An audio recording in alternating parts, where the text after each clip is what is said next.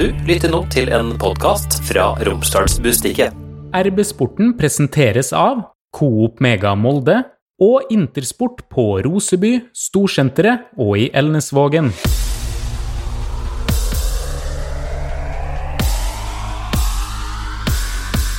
På fire dager gikk eh, Molde fotballklubb fra å rundspille Hekken 5-1 på hjemmebane til å tape 4-1 mot Tromsø i en helt avgjørende kamp i Eliteserien. 2000 tilskuere på stadion, eh, nasjonal medieoppmerksomhet. Det kunne sikkert vært eh, bedre anledninger til å være gjest i vår eh, podkast, men Oliver Pettersen, her sitter du hos oss i RB-sporten. Ja, takk for at jeg fikk komme. Jo, jeg må jo si det før vi går videre.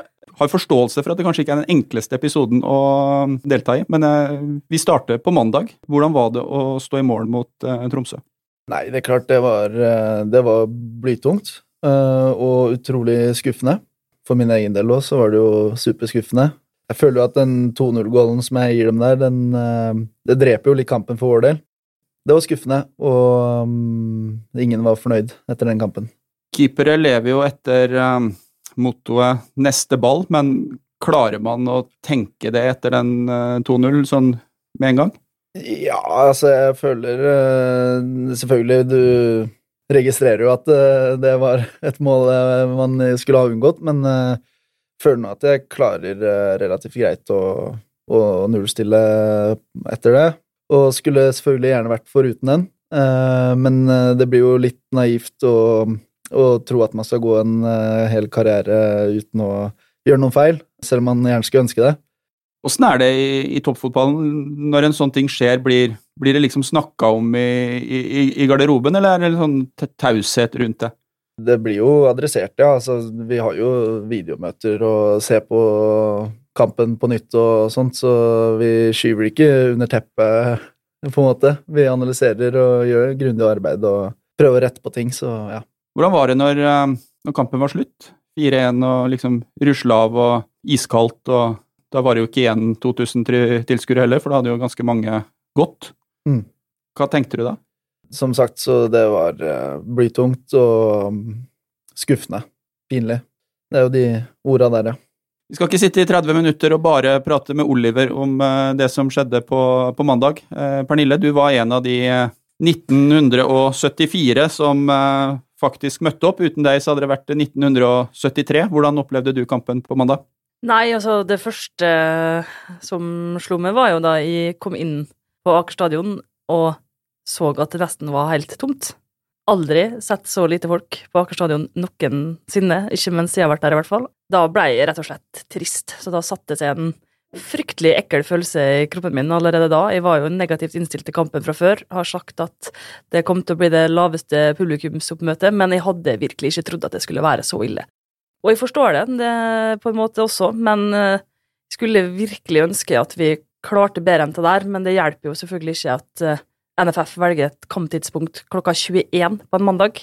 Men samtidig så må man jo også gi en liten honnør til dem som faktisk møtte opp. Men det var blytungt for oss å stå i tornekrattet også. Eh, ikke bare fordi at vi var så få, men også fordi at kampen blei som den blei. Nei, altså, det der kan ikke MFK være bekjent av. Altså, det, sånn skal ikke Molde spille. Ikke med sine ressurser, ikke med sin økonomi, ikke med sine spillere. Det der det går ikke an, rett og slett. Det er ikke bra nok. Samtidig syns jeg guttene skal mye honnør for å komme bort til tornekrattet etter kamp, eh, og vi står og synger 'Blø for drakta' til dem. Mange roper andre ting, og det syns jeg ikke er greit, men eh, de står i hvert fall og tar imot den eh, triste og fæle sangen der, så det skal de absolutt ha. Er det en tung tur bort til supporterne etter kamp, Oliver? Ja, det ser jo eh, at eh, de er åpenbart eh, skuffa, akkurat sånn som at på lik linje med oss. Men det skulle bare mangle at vi står og tar litt imot etter en sånn prestasjon.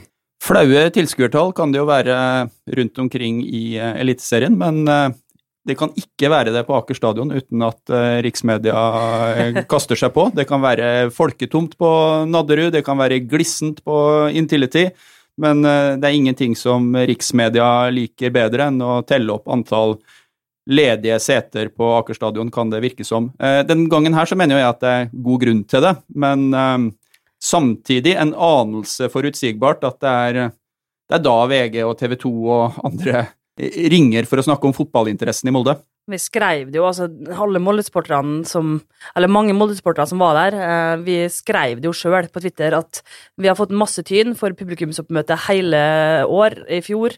Eh, men denne gangen her så er det jo fortjent. Altså, det, det var det jo. Eh, og så kan man jo snakke om alle årsakene til at folk ikke var der, men eh, flaut er det jo uansett. Vi snakka jo med både med VG i går, de ringte jo, men eh, det var ikke noen som ringte meg når, eh, i fjor, når det gikk så det susa og eh, alt eh, var på stell. Det var ingen som ringte, nei.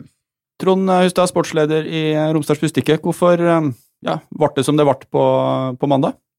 Det var et godt spørsmål. Et stort spørsmål.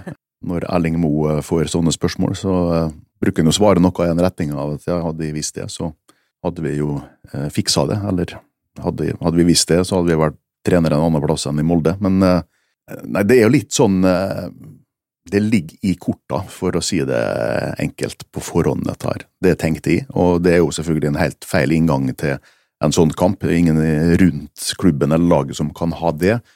Eh, men vi har sett det flere ganger i høst, at det har svingt, det har vært ustabilt, og ikke sånn sjokkerende et, rett etter en sånn eh, stor opptur, at det kommer en ny smell.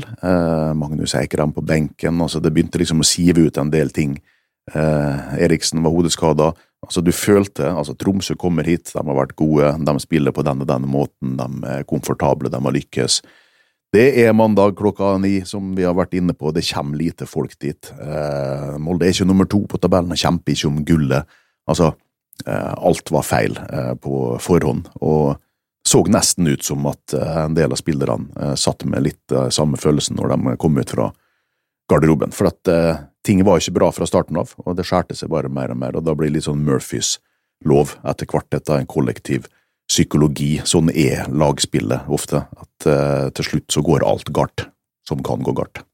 Altså, jeg er jo en pussig person på mange vis, og definitivt ingen, ingen eh, spåmann. Eh, sånn at eh, min inngang til det her var jo helt annerledes. For det første, etter 5-1 mot, mot, Hekken ja, Men Var Hekken egentlig så god som alle skal ha det til? Den var jeg syns ikke den var så god som alle skal ha det til. Jeg syns Hekken var kjempegod. Offensivt så var det jo et av de beste lagene som har vært på Molde stadion, Aker stadion, men defensivt så var de heldigvis like eh, dårlig som eh, Molde var. igjen. Jeg syns den uh, bragden der er litt overdrevet. skjønner du. Ja, altså kan jeg jo fortsette med hvorfor jeg er snodig. da, for at uh, Dette er den kampen i år hvor jeg har vært tidligst på arena. Eh, jeg var der uh, ca. tre kvarter før. Bare du som var der, eller? uh, en av årsakene til det var jo at jeg skulle se på Oliver varme opp. For det, jeg, det å se keeperoppvarming syns jeg er kjempeinteressant, så jeg ordna meg en vindusplass. Jeg hadde fått en kylling tikka masala som jeg spiste, som var til forandring veldig god. Så jeg var, ehm, jeg var, egentlig fornøyd med mye. Og Per Eikrem kommer bort til meg eh, og prater med meg oppe i, der jeg satt, og, så, og er litt sånn bekymra for det med, med publikumsoppmøte. Da, ja, da, ser jeg, da ser jeg utover. Jeg syns ikke det ser så gærent ut. Ole. Men veit Oliver Petersen eh, at du er så ekstremt keepernerd, eller hvorfor du er sånn fundamentalist eh, på akkurat dette her? Og har en sønn som heter Oliver, oppkalt etter Ja, jeg har jo Sist gang jeg var her, så fikk jeg jo litt inntrykket. At det uh, var litt interesse. Ja, det, det kan jo være Oliver er litt bekymra, for det hender seg at det er å se på ei trening også. Men uh, nei, uh, jeg er keepertrener, uh, og sønnen min på 14 år er keeper. Det er ikke han som heter Oliver, det er broren hans som heter Isak. Du kaller han bare keeperen, så det er ikke godt å si hvem av dem det er.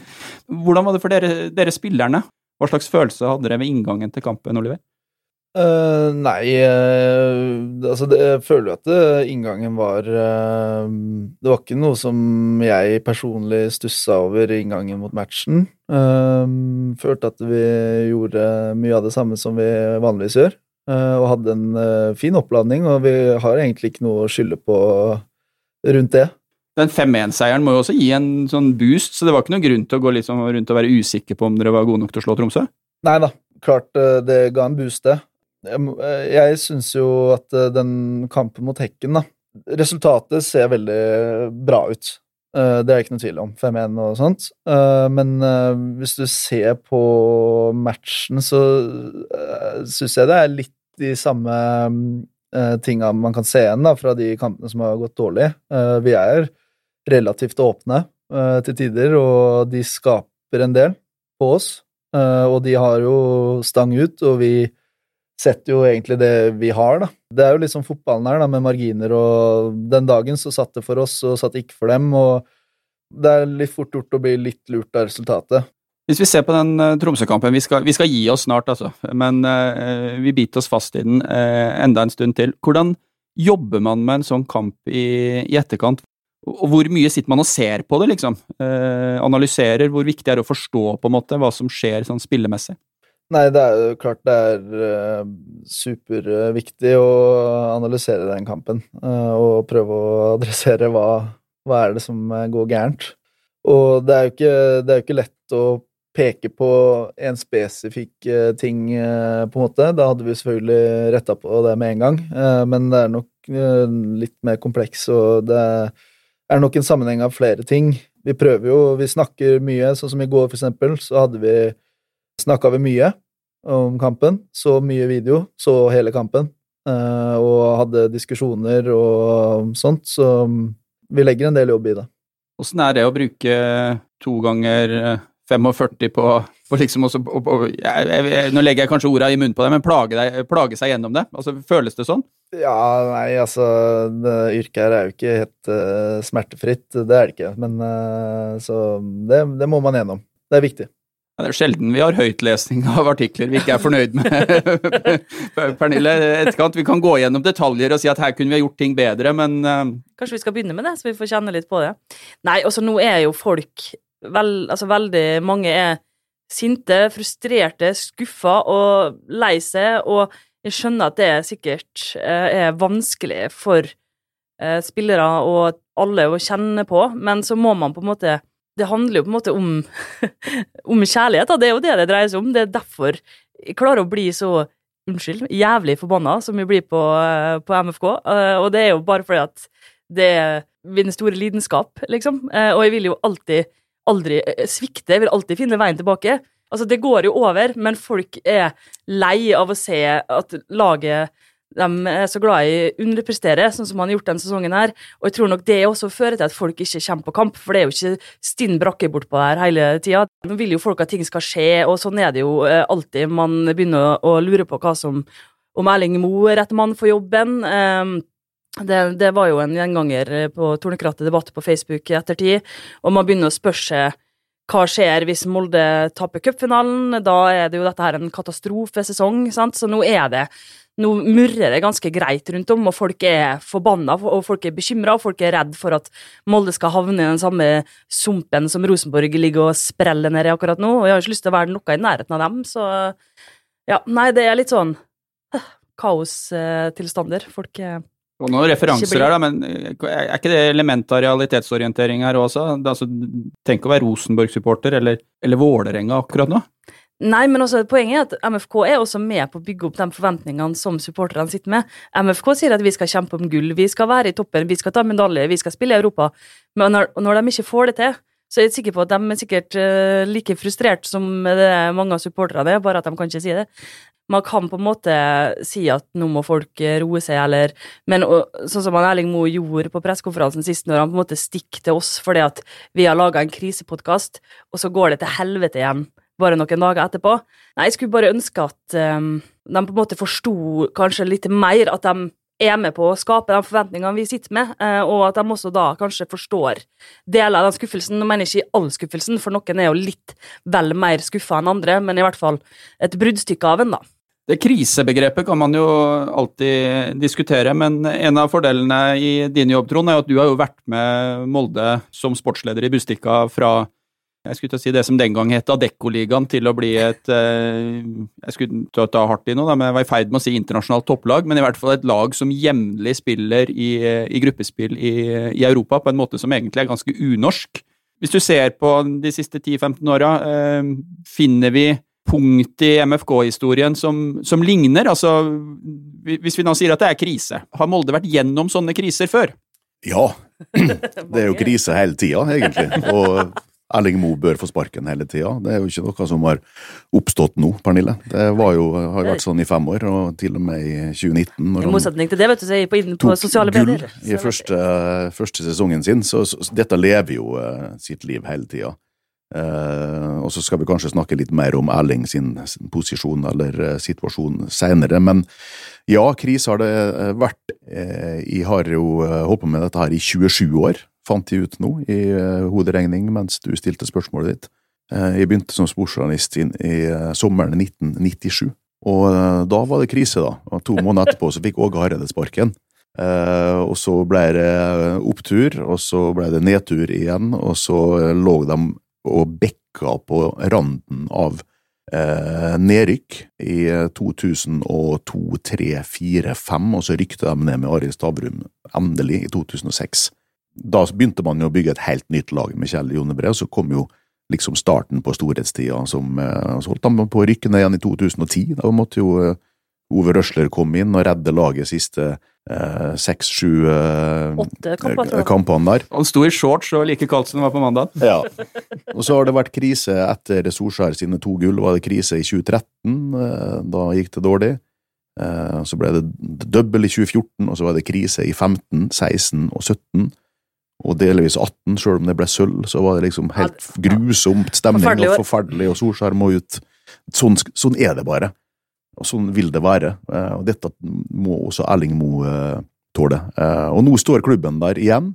Det som i kort versjon er litt mer alvorlig nå, syns jeg, er at i noen av disse tidligere periodene her så har det vært større eh, grunner til å kanskje forstå at man havner i den situasjonen der, men i år så skulle MFK befeste posisjonen sin øverst, ta trona, beholde makta i Fotball-Norge etter denne her enorme jubelsesongen i fjor. Budsjettet er det største gjennom tidene, det er opp mot 200 millioner, og så går på en måte alt galt, ikke bare mot Tromsø, men helt fra sesongstart. Helt fra første kamp mot Tromsø. Av alle mulige grunner, av eksperimentell eh, lagoppstilling i i angrep til masse VAR-situasjoner der du taper fullt av poeng, til at alle som ikke skal bli skada, er skada halve året, og så roter du på en måte dette her sammen da, til en cocktail som gjør at MFK ikke ser ut som MFK lenger, og det er ikke bra. Hei sann! Her er jo Hilde fra Coop Mega Molde. Kom innom og la deg friste av den lengste ferskvaredisken i Romsdal. Velkommen til Coop Mega Molde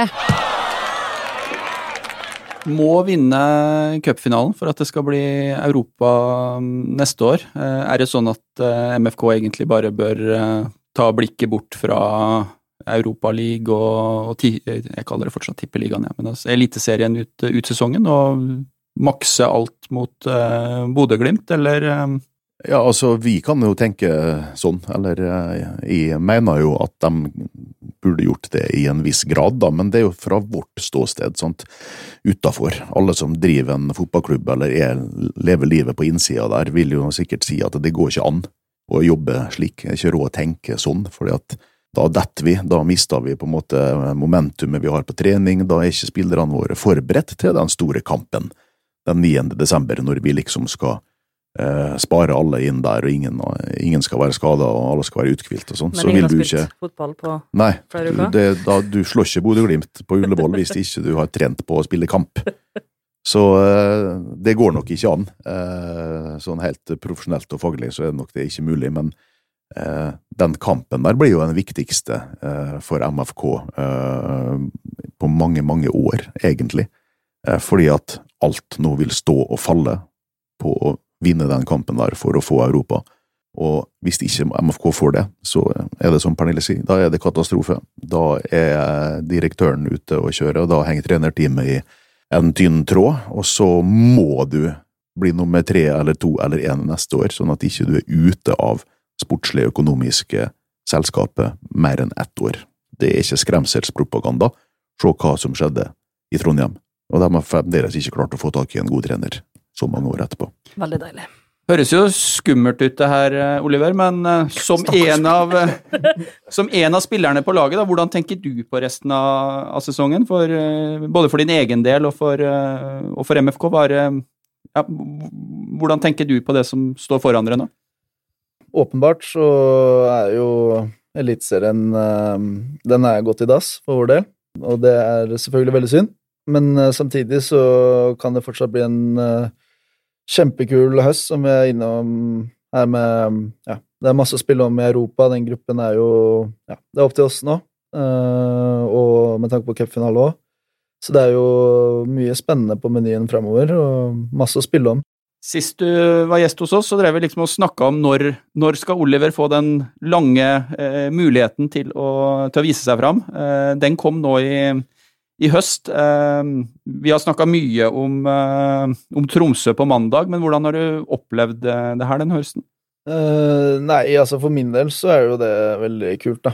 Uh, at det ikke bare blir sånn som det har vært tidligere, hvor det har blitt uh, typ én-to kamper, og så lenge til neste gang, og så én-to kamper.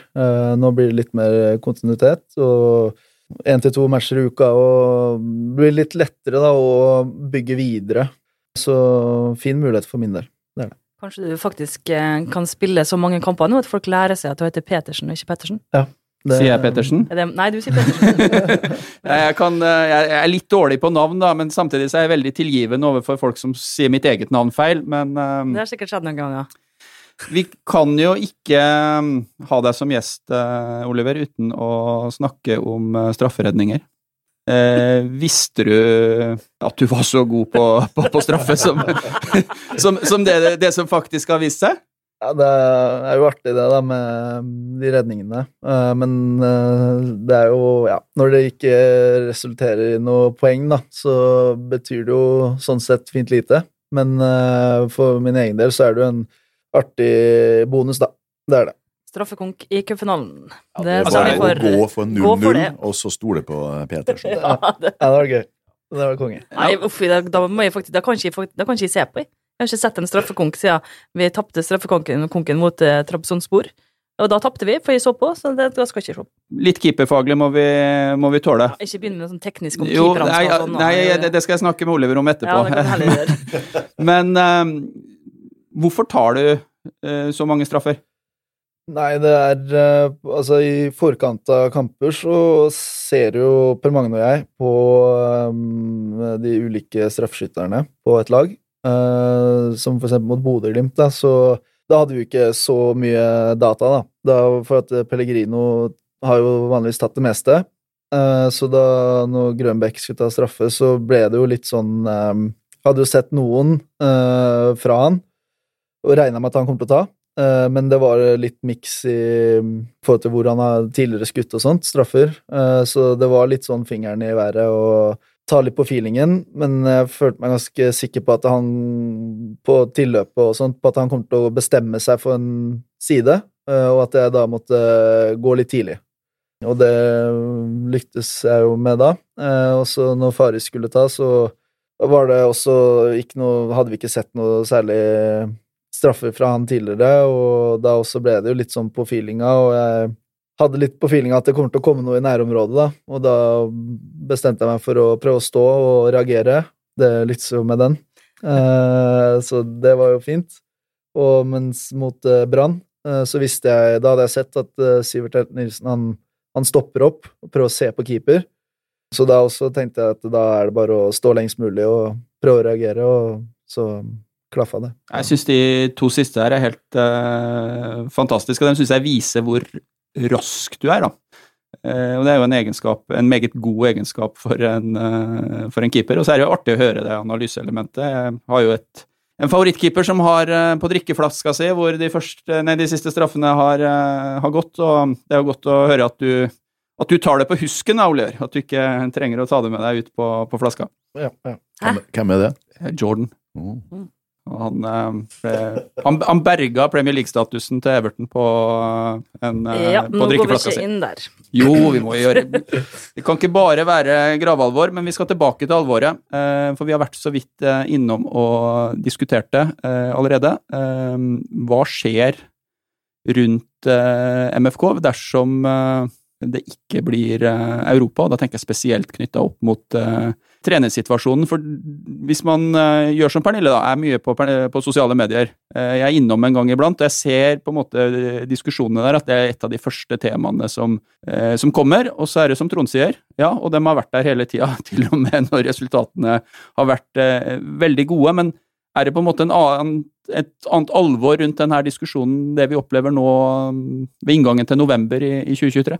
Ja, det er det, og det, det, er helt naturlig. Det bør det være, For nå, nå, kan jo ikke Molde oppnå målet sitt. Det er allerede klart at Eller klart, teori er teori, men hvis Molde blir nummer fem i år, når fjerdeplassen gir Europa, altså vanlig, en vanlig sesong, så må jo Molde bli nummer tre for å lykkes med målene sine, som er medalje og Europa. Til og med fordi at situasjonen er som den er da, i den finalen der, så kan du nå få en ekstra billett på fjerdeplass hvis eh, Molde taper sin cupfinale, eh, og Bodø-Glimt da kvalifiserer seg også som cupmester.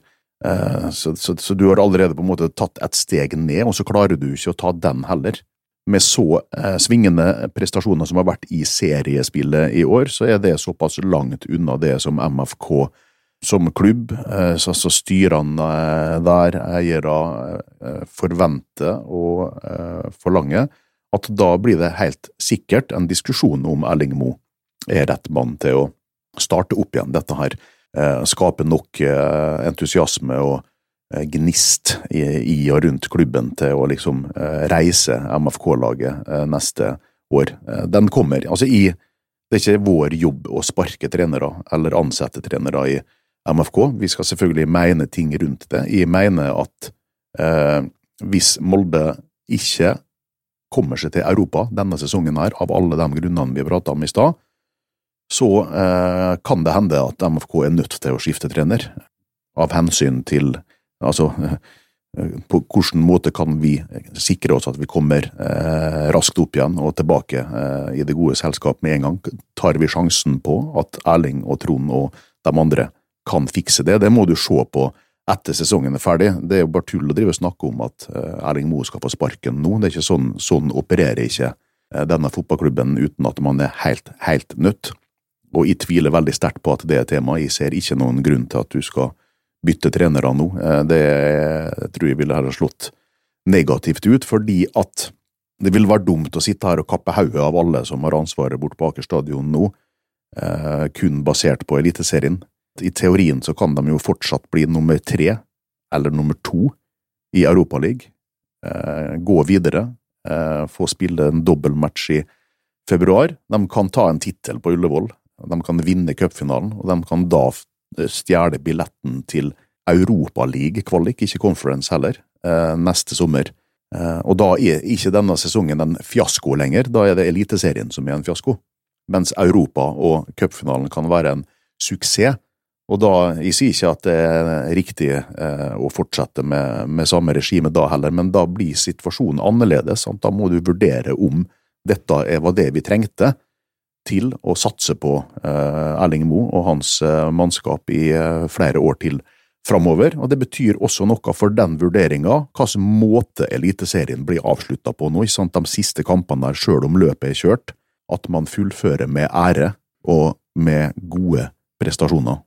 Jeg er veldig enig i det, og jeg tenker at um, altså For det første, som avismann så syns jeg det er kjempebra med debatt. Uh, og Derfor så syns jeg at det, at det, skal være lov å ha ulike oppfatninger om det, om det spørsmålet her. Uh, og uh, jeg syns også at det skal være lov å fremme de synspunktene man har, på det tidspunktet man sjøl mener, mener, at det er riktig.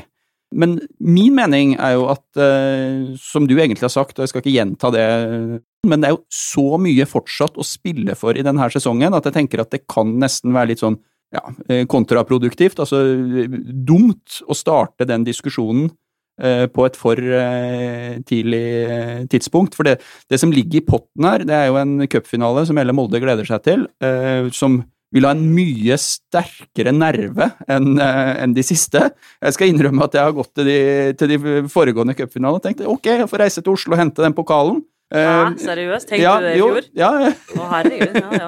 Hva du, hva du er lagd av, da? Ja, Men, men, men altså, i, i- år så er ikke det tilfellet. Det er all to play for. Og så er det jo uh, Europaliga eh, med de laga som ligger i potten der. Eh, jeg skal være litt forsiktig, men nesten antyde da at det er en brukbar kompensasjon å spille eksempelvis mot Liverpool i, i, eh, i februar og mars. Men Det er nesten så jeg svelger at det, at det ikke er Europa eh, til, til høsten, hvis man på en måte oppnår noe sånt, og, og, og, det er jo fullt mulig. Det er fullt mulig, så- altså, men som du sier, den cupfinalen der, da, det blir jo den kuleste kampen på hvor mange år, men viktigste dagen, den største Altså, det blir jo helt grusomt. Det blir jo uutholdelig. Alt står på spill. Du er nødt til å vinne. kvalm Hvis du vinner, så er det sirkus eh, Arnardo i dagevis, og så hvis du taper, så er alt ødelagt.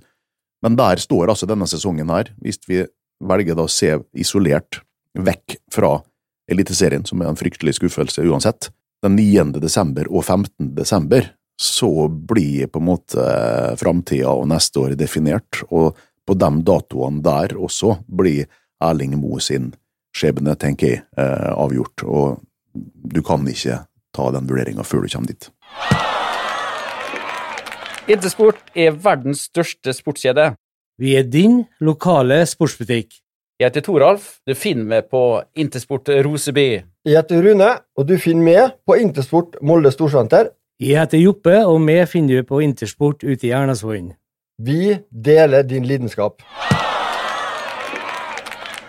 Nå hauser vi den eh, cupfinalen her veldig, Oliver, men eh, hvordan er det å være en av de spillerne som kan med stor sannsynlighet være på en måte involvert i den kampen? Jeg syns det er eh, kjempekult. Det er, jo, det er jo de anledningene man drømmer om. Det er ikke alle som får oppleve det ellers, og det er viktig å nyte det òg. det er veldig spesielt. og var jo med selvfølgelig sist på Ullevål, og da spilte jeg ikke. Og det ga jo bare enda mer mersmak på å komme tilbake og spille selv. Eh, så mm, nei, det blir eh, dødskult.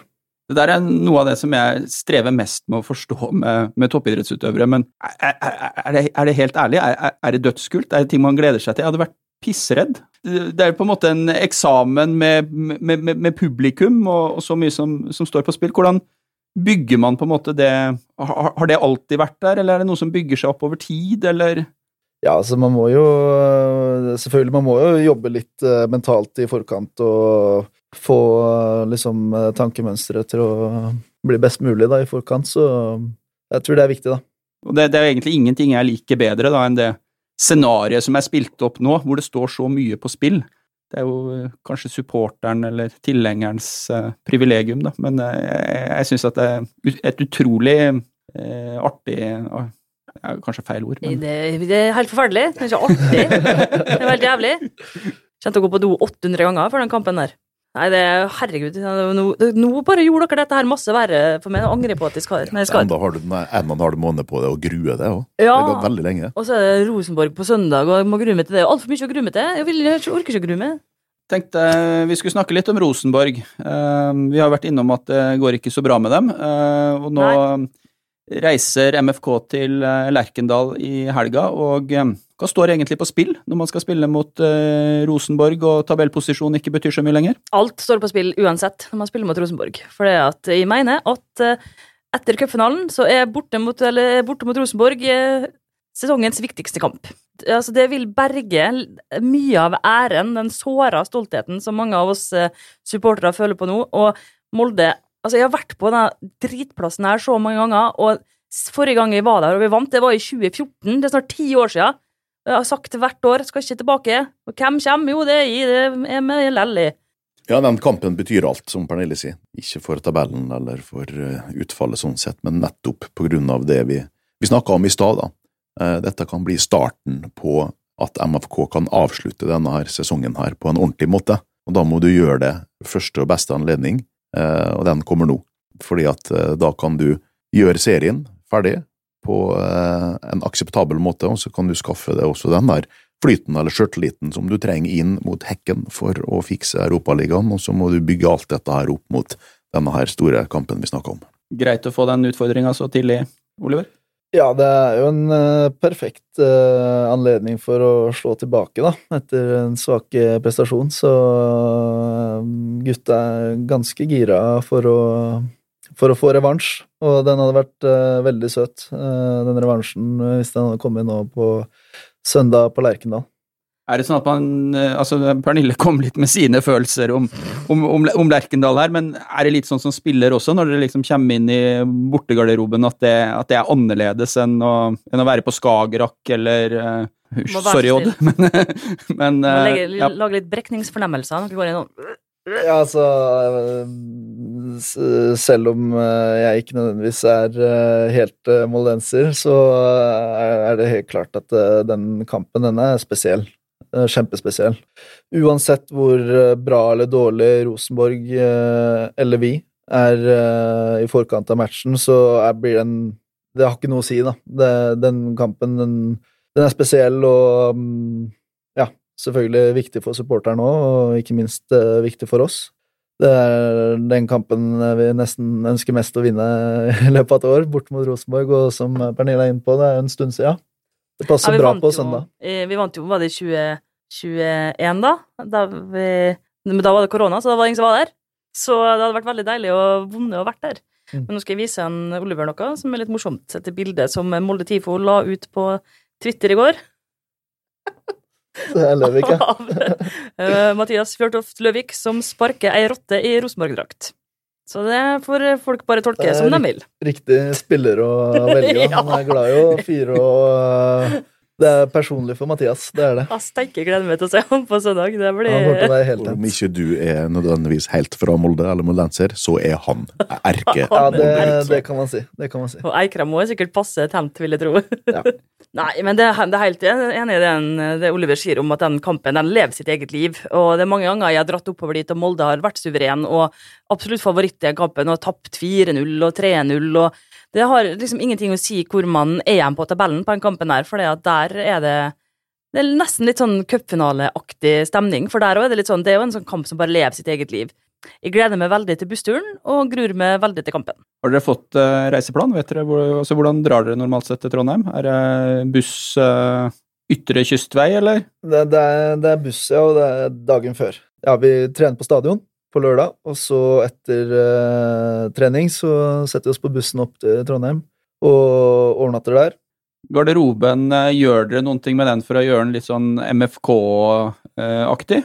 I bortegarderoben. Ja. Ja, nei, jo, jo, faktisk. Vi har, eh, vi har alltid hengende opp et sånt eh, stort eh, Molde-flagg, på en måte, da. Eh, eller Ja, det er på en måte flagg-typ, da. Stor eh, Molde-logo som vi henger på, på veggen i bortegarderoben, da. Så Jeg ble jeg veldig glad for, for det var egentlig akkurat det jeg fiska etter. Jeg, er, jeg ser en del bilder nå hvor det hender seg jo at sånne bortegarderober har en eller annen form for utsmykning som skal på en måte vise hvor du er hen. Uh, og det må jo dekkes til. Uh, sånn at jeg tenker jeg, Det skal ikke forundre meg om det er en RBK-logo sånn cirka akkurat over der dere henger det flagget. det er kanskje ikke tilfeldig, nei. Det, Vil dere ha med noen stickers som dere kan klistre opp? Ja, det holder vel at eh, det blir uh, klistra litt sånnere på, på bortetribunen og Ja, Ja, ferga er jeg ikke så glad i. Ferga er eneste plassen som irriterer meg, eh, Pernille. Altså gatestolper og, og ja men det er bare på doen, da, på ferga. Jo, men det irriterer meg. Ok, nei, Ja, men, men... Tornekrottebussen går 09.00 søndag morgen, og den er full. Og det blir stemning. Mest eh, glad for eh, vi har en, en, et stort comeback eh, av en tornekrattelegende. Eva-Britt Mauseth skal på Lerkendal for første gang på over ti år. Så det ser jeg veldig fram til. Vi har snakka lite om det sportslige mot uh, Rosenborg. Um, kan ta og stille det litt åpent, uh, åpent ut her. Uh, etter det vi så mot eh, Tromsø, hva slags type kamp er RBK borte blir nå? Rosenborg har ikke jeg sett på på så lenge jeg vet. Jeg, jeg vet de slo Vålerenga Ja, men hvem gjør ikke det? Vi gjør ikke det. 3-2 eh, på Intility, men, men ellers så, så vet jeg lite om hva det er som møter, eh, møter MFK. Da. Men hvis vi tar utgangspunkt i MFK, hvordan slår de Rosenborg? Eh, det er, dette synes jeg er litt vrient å eh, forutse, for jeg har ikke sett veldig mange hele kamper med Rosenborg, men jeg har sett en del på det. Og, men i likhet med MFK så har de jo svinga eh, enormt i prestasjonene, eh, sånn at eh, det er litt vanskelig å se for seg akkurat hvordan MFK-laget skal fremstå der, eller hvordan Rosenborg spiller på Lerkendal, så det kampbildet der, det tror jeg det er en liten sånn ta og føle på-ting, som eh, det sitter sikkert noen trenere i hver sin ende her nå og prøver å pønske ut noe som er lurere enn han andre, for å liksom ta grepet om dette her fra start. Men det, skal vi si det enkelt, så uansett var, uansett marginer, uansett hvem som er skada, de elleve som skal spille for Molde i denne kampen der, de må bare reise seg opp, skjerpe seg og springe som faen i 95 minutter. Det er det viktigste hvis du skal vinne denne kampen her mot, uh, mot Rosenborg. Da må du ha guts og innsats, og du må faktisk blø for drakta, sjøl om eh, alle, alle, som spiller på Molde, de blør egentlig for drakta og vil gjøre sitt beste, men denne matchen her, så må det se sånn ut. Hvis de hadde vært MFK-trener, tror jeg gjort ett grep i taktisk før denne matchen her, og gitt kapteinspinnet til Løvik. Da ordner resten seg sjøl. Håper bare han ikke får rødt kort. Ja, da blir det rødt kort. Overtenning. Jeg skal ikke spørre, Kan overtenning være ei utfordring i, uh, i, en sånn type kamp? Som vi fint nevner her, Mathias er jo en uh, heltent uh, kar. Tenner på alle plugger og full fart, og det er bra, det. men så må man klare å kontrollere det. og Noen kan nok kjenne kanskje litt på den overtenningen, da. og må kanskje tune litt ned. Uh, mens andre Det blir nok ikke et problem i den kampen, her da, men andre, kanskje mer erfarne, rutinerte, trenger heller kanskje å skru opp. Uh, noe. Uh, og som jeg sa, det blir nok ikke noe problem inn mot den kampen her. veldig sånn selvantennelig match, men ja, det er sikkert veldig fra spill til spiller er glad i selvantennelige kamper. Jeg syns det er artig å se på som supporter. Ja, jeg håper bare ikke at det blir noe selvantenning på tribuner, for der skal det vel blusses, sikkert. Ja, det håper jeg virkelig ikke. Eh, Oliver Petersen, nå har du faktisk eh, sittet og prata med oss i arbeidssporten i en eh, ja, drøy fotballomgang. Hvordan har det vært? Nei, det har vært hyggelig, det. Uh, vi har hatt uh, fri i dag, så fint å ha noe å fylle dagen med. Det, ellers så blir det veldig lange dager, så fint, det. Denne avtalen ble jo gjort uh, før uh, Tromsø-kampen. Har tanken streifa deg at det enkleste ville vært å ikke møte opp? Nei da, uh, det er ikke noe problem det, altså. Fint å stille opp her. Fint. Du skulle jo egentlig vært her i går, så når du kom med den, når du meldte forfall der ute på dagen, så tenkte vi at det var en dårlig unnskyldning at treninga var forsinka, men eh, det var ikke det. Nei, det var faktisk eh, voldsomt med, som vi var innom i stad, voldsomt med møtevirksomhet uh, i etterkant av den kampen, så da ble treninga ganske utsatt. Vi i arbeidssporten, og håper også våre lyttere, er i hvert fall veldig glad for at du tok turen hit. Tusen takk.